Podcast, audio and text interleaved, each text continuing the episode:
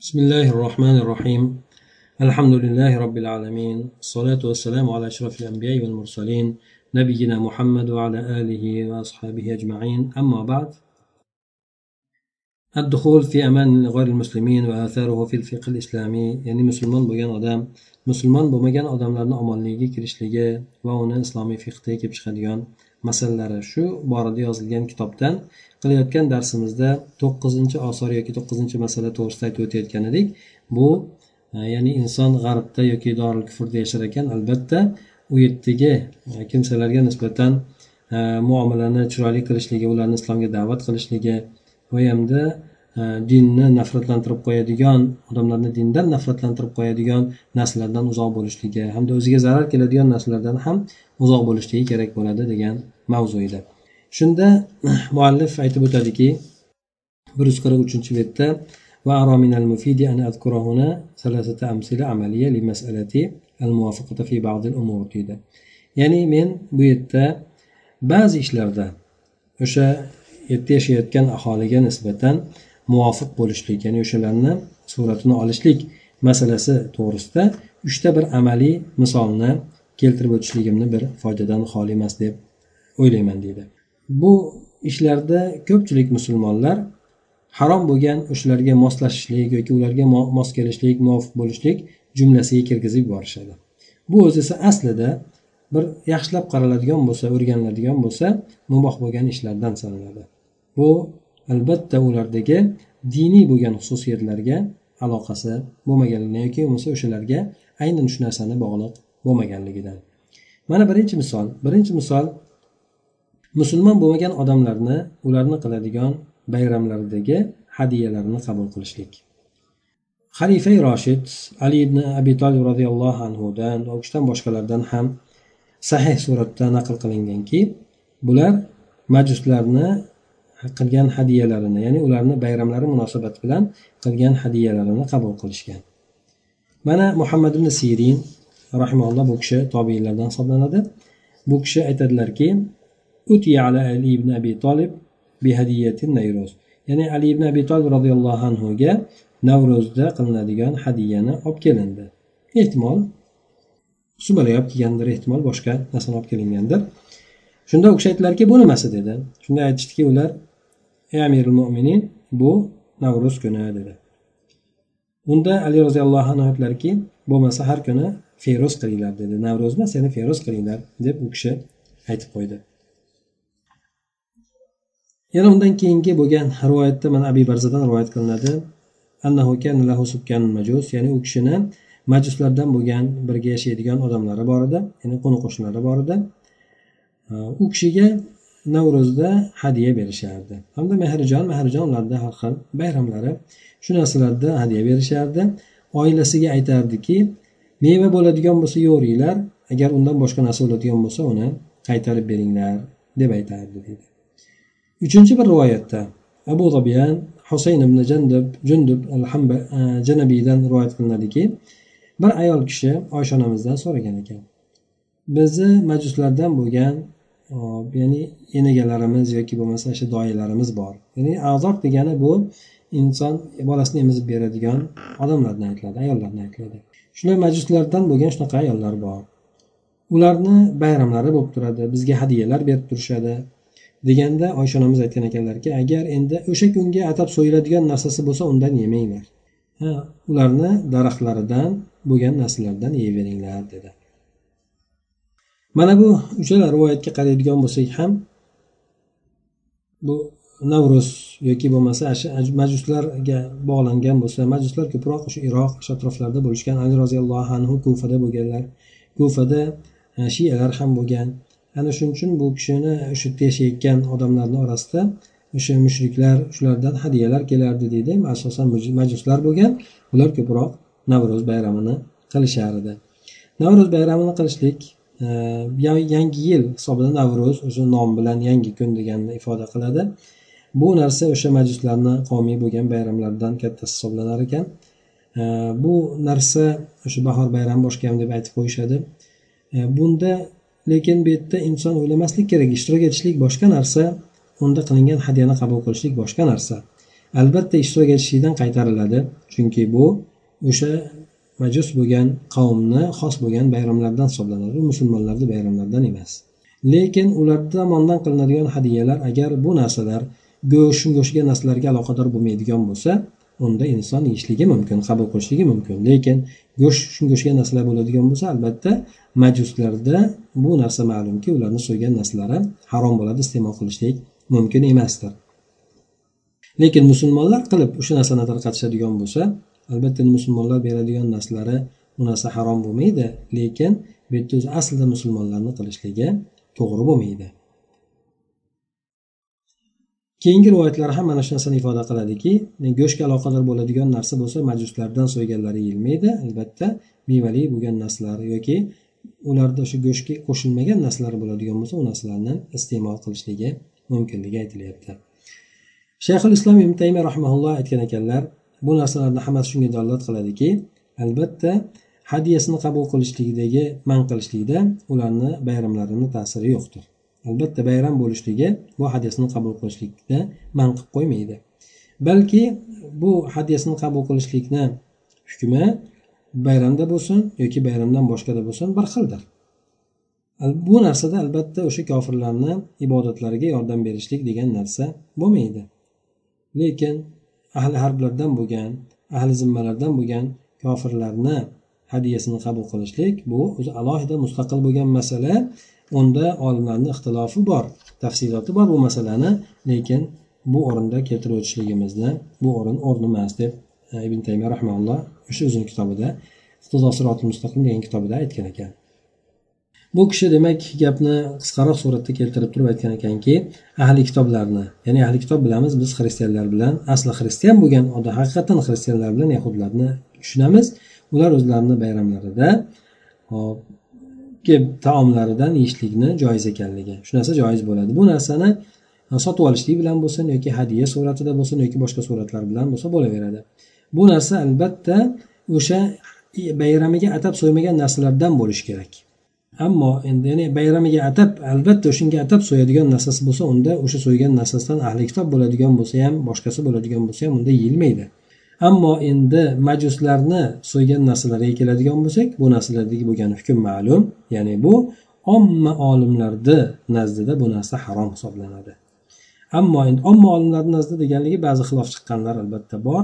Bu yerda payg'ambar alayhisalom ba'zi majuslarni yoki bo'lmasa kofirlarga e, ya'ni ahli kitoblarni muomala qilganligi to'g'risida ham ba'zi rivoyatga o'xshagan narsalar keladi lekin umumiy suratda majuslar alohida demak ularni e, ta'kidlangan suratda rivoyatlar bor.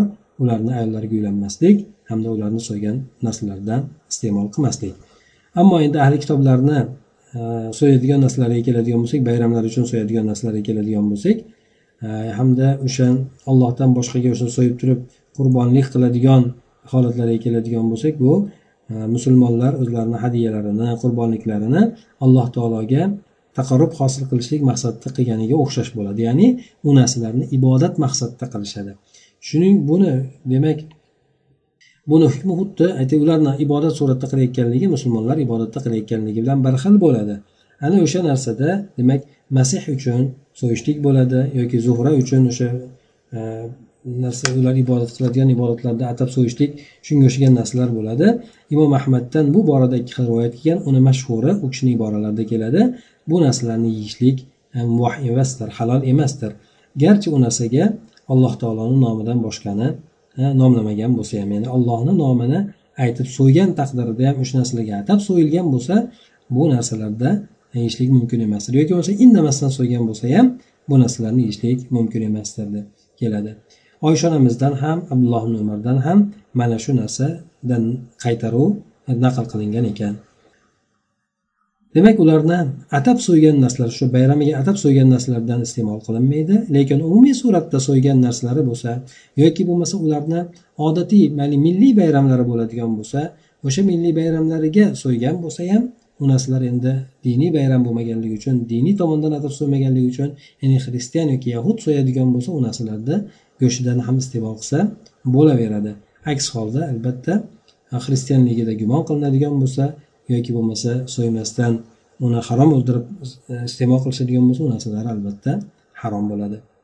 Bu birinchi masalaga aloqador edi. Endi ikkinchi masalaga keladigan bo'lsak ikkinchi masala erkaklar e, erkak kishilar xosatan boshini ochib yurishligi. Ya'ni boshiga e, narsa kiymasdan yurishligi. Ma'lumki boshni salla bilan yoki undan boshqa musulmon ba'zi diyorlardagi musulmonlarni urf odatida bo'lgan do'ppi shunga o'xshagan narsalar bilan boshini yopib yurishlik. Mana shu masala keladigan bo'lsak bu narsa hop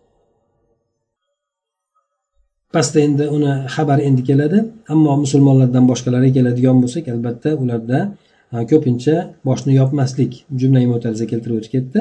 Ana undan keyin demak um, odam musulmon ba'zi diyorlarda boshini yopib yurishligi salla bilan bo'lsin yoki do'ppi yoki boshqa narsalar bilan bo'lsin bu narsalar endi kofirlarni o'rtasida yashab turgan musulmonlar qiladigan bo'lsa bu narsalarni zarari yo'qdir. Ya'ni ular bu mana shu narsalarda shu kofirlarga muvofiq kelib e, boshini boshini bosh yalang yurishligini zarari yo'qdir. Garchi bu o'zini asliy diyorlarida qavmini odati boshini yopib yurishlik yoki boshiga kiyib yurishlik bo'ladigan bo'lsa ham deydi.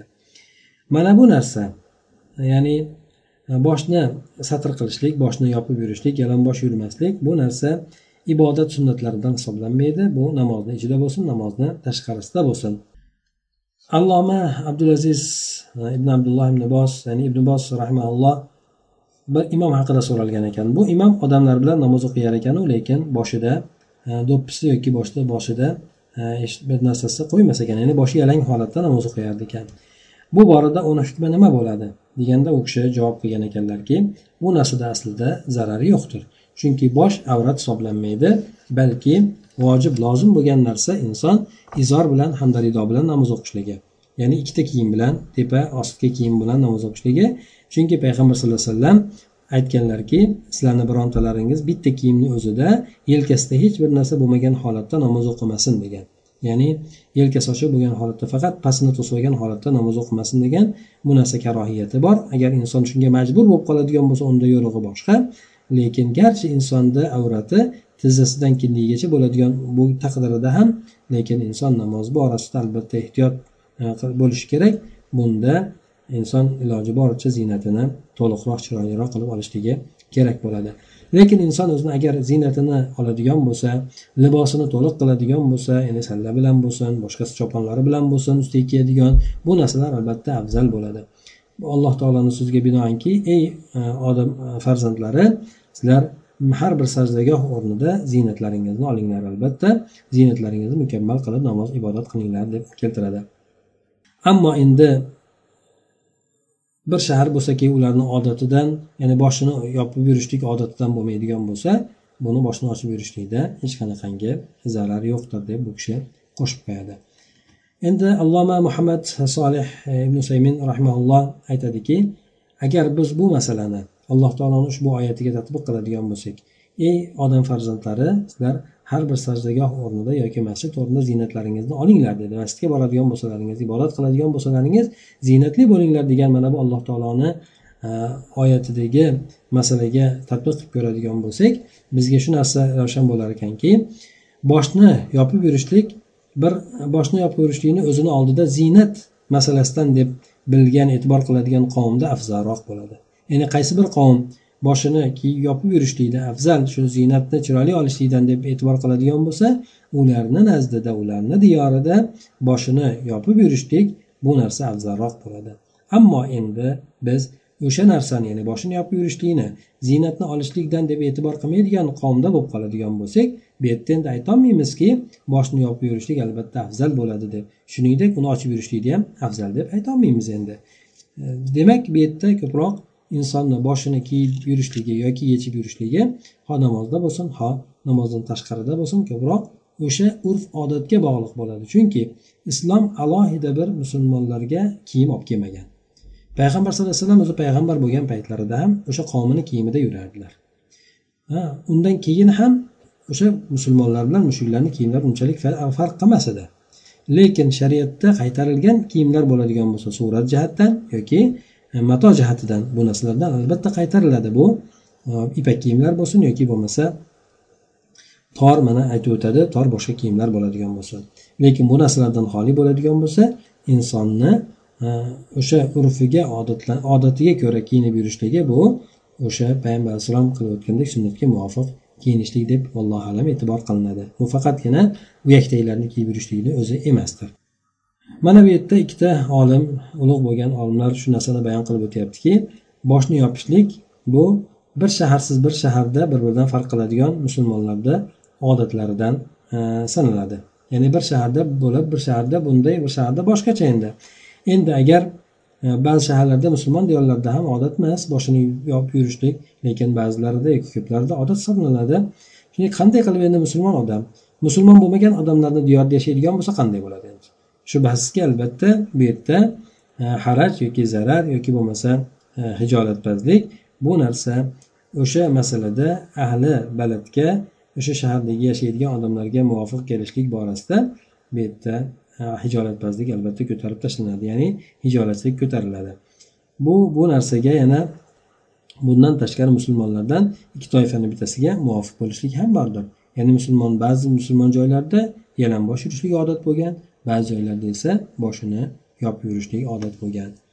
Ba'zi joylarda albatta boshni yopib yurishlik yoki ochib yurishlik masalasiga qattiq qarashadi. Endi albatta bu narsani e, u darajada ular aytgan darajada dalillari yo'qdir. Bu masala ko'pchilik tolib ilmlarga ham alloh taologa da'vat qiladigan kimsalarga ham o'sha g'arb diyorlarida e, maxfiy bo'lib qoladi ya'ni mavhum bo'lib qoladi. Ya'ni ulardan tashqari ulardan boshqalar tugul shu tolib ilmlar bo'lsin da'vatchilar bo'lsin hattoki shulardan ko'piga ham bu masalalar maxfiy bo'lib qoladi. Ba'zida esa ularni ba'zilari juda qattiq qarashadi bu masalaga. Hattoki juda bir qattiq bir ijolatpazlik o'rinlariga ham tushib qolishadi. Bu narsalardan biz multasim bo'lgan dinni lozim tutgan dindor bo'lgan e, yoshlarni voqeasida ham bu narsalardan biz xabar ya'ni shunaqa dinni lozim tutgan dinni muhabbat qilgan yoshlarni voqeasidan ham bu narsalardan biz xabardor bo'ldik. Albatta bular bunday qilishligi bir ajib ishlarni ishlardan guvohlik bo'ldik bularni holatlaridan. Allohu mustaan dedi ya'ni allohu mustaan deb aytgan aytishlik ko'proq bu arablarni iste'molida bor narsa.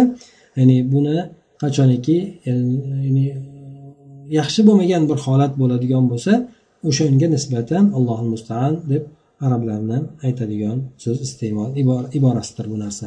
Ya'ni alloh taolo yordam so'ralinadigan zotdir degan ma'noda. Uchinchi masala bo'ladigan bo'lsa bu shim kiyishlik yoki jaket kiyishlik.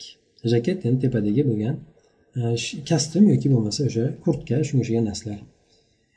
Hop erkaklarni kiyimlari. Bu narsalar albatta avratni satr qilishlik borasida bo'lgan shar'iy shartlarni to'liq qiladigan bo'lsa mana shu shim kiyishlik mumkinmi yoki jaket kiyishlik mumkinmi yoki yo'qmi masalasi to'g'risida. Bu masalani bu narsani joiz ekanligiga mana shu asrdagi katta olimlarni anchasi yoki bir majmuasi fatvo bergandir. Ular aytishganki kiyimni turlaridagi asl bu aslida muboh ekanligidir. Chunki bu narsalar odat ishlaridandir odatga aloqador bo'lgan masalalardan hisoblanadi. Alloh taolo aytadi ayting ey muhammad sallallohu alayhi vasallam kim alloh taolo bandalariga e, chiqarib bergan ziynatlarini va halol pok bo'lgan rizqlarni e, kim harom qilolmaydi ayting ey muhammad sallallohu alayhi vasallam bu narsalar bu halol bo'lgan narsalar alloh taolo ziynat qilib bergan narsalar bu dunyoda hamma uchundir qiyomat kunida xolis mo'minlar uchundir. Ya'ni bu dunyoda hamma kiyadi qiyomatda esa mo'minlar kiyadi ziynat bo'lgan narsalarni. Biz mana shunday qilib bilmaydigan odamlarga oyatlarimizni masalalarni tafsiloti bilan aytib beramiz deb alloh taolo aytadi. Albatta mana bu narsadan shar'iy dalil uni harom ekanligiga yoki makruh ekanligiga dalolat qiladigan narsalar istisno qilinadi. Bu erkaklarga nisbatan ipak kiyimlar bo'lsin yoki bo'lmasa avratni sifatlab turadigan kiyimlar bo'lsin judayam shaffof bo'lganligidan judayam yupqa bo'lganligidan hatto uni ortidan badanni rangi ham ko'rinib turadigan darajada. Yoki bo'lmasa avratni chegarasini ko'rsatib bildirib turadigan darajada tor bo'lgani. Mana shu narsalar istisno qilinadi endi. Chunki bu yerda u narsalarni hukmi endi inson ochib yurgan odamni hukmida bo'lib qoladi. Agar tor bo'lsa yoki tagi ko'rinib turadigan bo'lsa. Inson avratlarini ochib yurishlik esa mumkin emasdir. Kofirlarga xos bo'lgan kiyimlari ya'ni kofirlarni xos belgili bo'lgan kiyimlardan e, o'xshash kiyimlar ham shu masalada shunga shunga o'xshash e, hukmni oladi endi. Ularni ham erkaklar ham ayollar ham kiyishligi mumkin emasdir. Ya'ni kofirlarni faqat o'ziga xos bo'lgan kiyimlar u faqat kofirlar kiyadigan kiyimlar bo'ladigan bo'lsa bu narsalarni kiyishlik mumkin emasdir. Yana bundan tashqari ya'ni payg'ambar alayhisalom ularga o'xshaganlikdan qaytarganligi bu sababdir. Erkaklar ayollarni kiyimlarini kiyishligi yoki bo'lmasa ayollar erkaklarni kiyimlarini kiyishligi. Bu narsadan ham qaytariladi. Bu narsani qaytarilganligini sababi payg'ambar sallallohu alayhi vasallam erkaklar ayollarga ayollar erkaklarga o'xshab qolishligidan qaytarganligi uchundir. Bu yerda shim deb nomlanadigan kiyim esa bu kofirlarga xos bo'lgan kiyimlardan sanalmaydi. Balki u musulmonlarda bo'lsin kofirlarda bo'lsin ko'plab diyorlarda davlatlarda tarqagan umumiy kiyim hisoblanadi. Ba'zi joylarda ba'zi diyorlarda o'sha yerdagi odamlar o'rganmaganligi uchun nafslari undan nafratlanadigan bo'lishi mumkin. Yana o'sha joyda kiyimda yashaydigan odamlarga kiyimda muxolif bo'lganligidan odamlar o'sha nafrat qiladigan yoki bo'lmasa uni yoqtirmaydigan bo'lishi mumkin. Lekin e, ulardan boshqa garchi bu yerda boshqa musulmonlar ulardan boshqa e, boshqa musulmonlarni odatiga muvofiq keladigan bo'lsa ham ya'ni bir joylarda bunday e, shimni kiyishlikni yoqtirmaydigan bo'lsa masalan afg'onistonda bo'lishi mumkin pokistonda bo'lishi mumkin yana boshqa joylarda bo'lishi mumkin. Lekin boshqa musulmon diyorlarda esa bu narsa odat hisoblanadi. Hech qanaqangi shim kiyishligini e, odamlar e, g'alati olmaydi. Lekin ba'zi joylarda g'alati olishligi mumkin. Nima bo'lganda ham musulmon bo'lgan odamga avloroq bo'lgan narsa agar u yerdagi yashaydigan odamlar o'sha kiyimni hop odatlanmagan bo'lsa namozda kiymasligi shu narsa avvalroq bo'ladi. Umumiy yig'in o'rinlarda ham yo'llarda ham ko'chalarda ham kiyib yurmasligi yaxshiroq bo'ladi. Modomiki o'sha yerdagi odamlar shim kiyishlikka odatlanmagan bo'lsa. Va yana aytishdiki olimlar kiyimlardagi o'zi asl bu narsa joiz ekanligidir. Illo shariat istisno qilgan mutlaq suratda istisno qilgan narsalar bundan mustasno bo'ladi. Masalan erkaklarga tilla yoki e, ipak kiyimlar E, bu narsalar mumkin emas. Illo ba'zida istisno qilingan bu insonda agar qo'tir kasali bo'ladigan bo'lsa ba'zan e, payg'ambar alayhissalom bu narsaga ruxsat bergan ya'ni qo'tir kasali insonda haligi qichima boshqa kasallar bo'ladigan bo'lsa hatto erkakda bo'ladigan bo'lsa ham ipak yumshoq bo'lganligi uchun uni shilib tashlamasligi uchun insonga shu narsada ruxsat berilgan. Shunday bo'lgan o'rinlarda istisno qilinishligi mumkin. Shim esa kofirlarga xos bo'lgan kiyimlardan emas lekin u agar uni tori bo'ladigan bo'lsa jinsiy shimni torini kiyishlik bo'ladigan bo'lsa xuddi jismni a'zolarini chegaralab belgilab berib turadigan suratda hattoki avratni ham belgilab turadigan bo'lsa unda mumkin emasdir. Ammo undan shimdan kengrog'i bo'ladigan bo'lsa bu narsa joiz bo'laveradi. Endi lekin bu yerda inson o'shimni kiyishligi bilan o'sha kiyib yurgan kofirlarga o'zini o'xshatishlikni qasd qiladigan bo'lsa bunda mumkin emas. Shuningdek inson badala kiyishlik badala degani kostyum shim kiyishligi yoki bo'yinturuq galstuk taqishligi bu ham kofirlarni o'ziga xos bo'lgan kiyimlardan sanalmaydi. Bu yerda bu narsalarni kiyishlik mumkin bo'laveradi. Lekin bu yerda ham o'shani kiyayotgan odam kofirlarga o'zini o'xshatishlikni maqsad qilgan bo'lsa shu niyatini qilgan bo'lsa unda mumkin emas bo'ladi. Umuman olib ko'radigan bo'lsak kiyimlardagi asl joizlik mumkinligi lekin bu yerda shar'iy dalil uni man qilishlikka kelgan bo'lsa dalolat qiladigan bo'lsa bu narsalardan chetlaniladi xolos yuqorida aytib o'tilgandek. Biz mana bu bahs orqali zikr qilib o'tgan barcha narsalar bu narsalar inson o'zi qaror topgan xotirjam bo'lgan holatlarda muvofiq kelishlikka ular shularga mos kiyinishlikda mos yurishlikda aloqador bo'lgan narsalardir endi. Ammo inson majbur qilinadigan bo'lsa yoki judayam qattiq zarurat holatlar bo'lib qoladigan bo'lsa ozobdan qo'rqishlik yoki manfaat manfaat yoki zararlarni o'rtasini taqqoslashlik holatida bo'ladigan bo'lsa bu narsalarni o'zini xos bo'lgan tafsiliy bo'lgan hukmlari bor. Bu yerda endi undan ham ko'ra sal ba'zi kengroq bo'lgan narsalarga ham ruxsat beriladi. Bu narsa albatta usul fiq kitoblarida keltirib o'tilgandir. Yana undan tashqari o'sha har bir muayyan bo'lgan voqedagi fatvolar o'sha ishonchli bo'lgan tolib ilmlar yoki ahli ilmlarga ya'ni bularga bog'liq bo'ladi. Albatta bunday bo'lgan kimsalarga bog'liq bo'lishligi ular e'tiqodi sog'lom bo'lish bo'lganligi bilan usullari e, oladigan dalillar oladigan o'rinlari e, ma'lum ma'lum bo'lgan to'g'ri bo'lgan hamda qur'oni sunnatni ulug'lashlik bilan ma'lum bo'lgan o'sha kishilarga bog'liqdir. Ya'ni o'shalardan bu narsalarda fatvo so'rab olinadi. Yana bundan tashqari judayam bee'tibor hamma ruxsat beraveraveradigan yoki bo'lmasa judayam qattiq boradigan ikkala holatdan ham bab barobar xoli bo'lgan xoli bo'lishi bilan tanilgan odamlarga o'shalarni beradigan fatvolarga bog'liq bo'ladi deb aytib o'tilyapti. Alloh taolo o'zi tavfiq egasidir. Demak bu mavzuda aytib o'tildiki inson da'vat qiladi. Albatta o'sha joylarda odamlarni nafratlantirib qo'yishlikdan yoki bo'lmasa o'ziga ozorki bo'lib qoladigan narsalarni jalb qilishlikdan uzoqda bo'lishligi shu narsalar musulmon odamga loyiq bo'ladi. O'sha narsalarni ostida ba'zi masalalarni aytib o'tdi. Ya'ni odamlarni inson nafratlantirib qo'ymasligi xatti harakatlari bilan yoki axloqlari bilan odoblari bilan albatta yurish turishi bilan yoki bo'lmasa ba'zan ijtimoiy bo'lgan e, axloqlar ko'proq va'da berishlik yolg'on gapirishlik boshqa bo'lgan narsalar bilan ularni nafratlantirib qo'ymasligini aytib o'tildi. Shuningdek yana inson tashqi tomonlar borasida ham judayam ularga keskin suratda farq qiladigan kiyimlarni kiyib ya'ni ularni hammasini ya'ni g'alati ko'z bilan qaraydigan qilib qo'yishligi ham bu yaxshi emas ekan inson ko'pincha e, o'zi o'sha joyga mos keladigan shariat qaytarmaydigan kiyimlarni kiyishligi mana shu narsa ko'proq munosib bo'lar ekan سبحانك اللهم وبحمدك نشهد أن لا إله إلا أنت نستغفرك ونتوب إليك اللهم انفعنا بما علمتنا وعلمنا ما ينفعنا وزدنا علما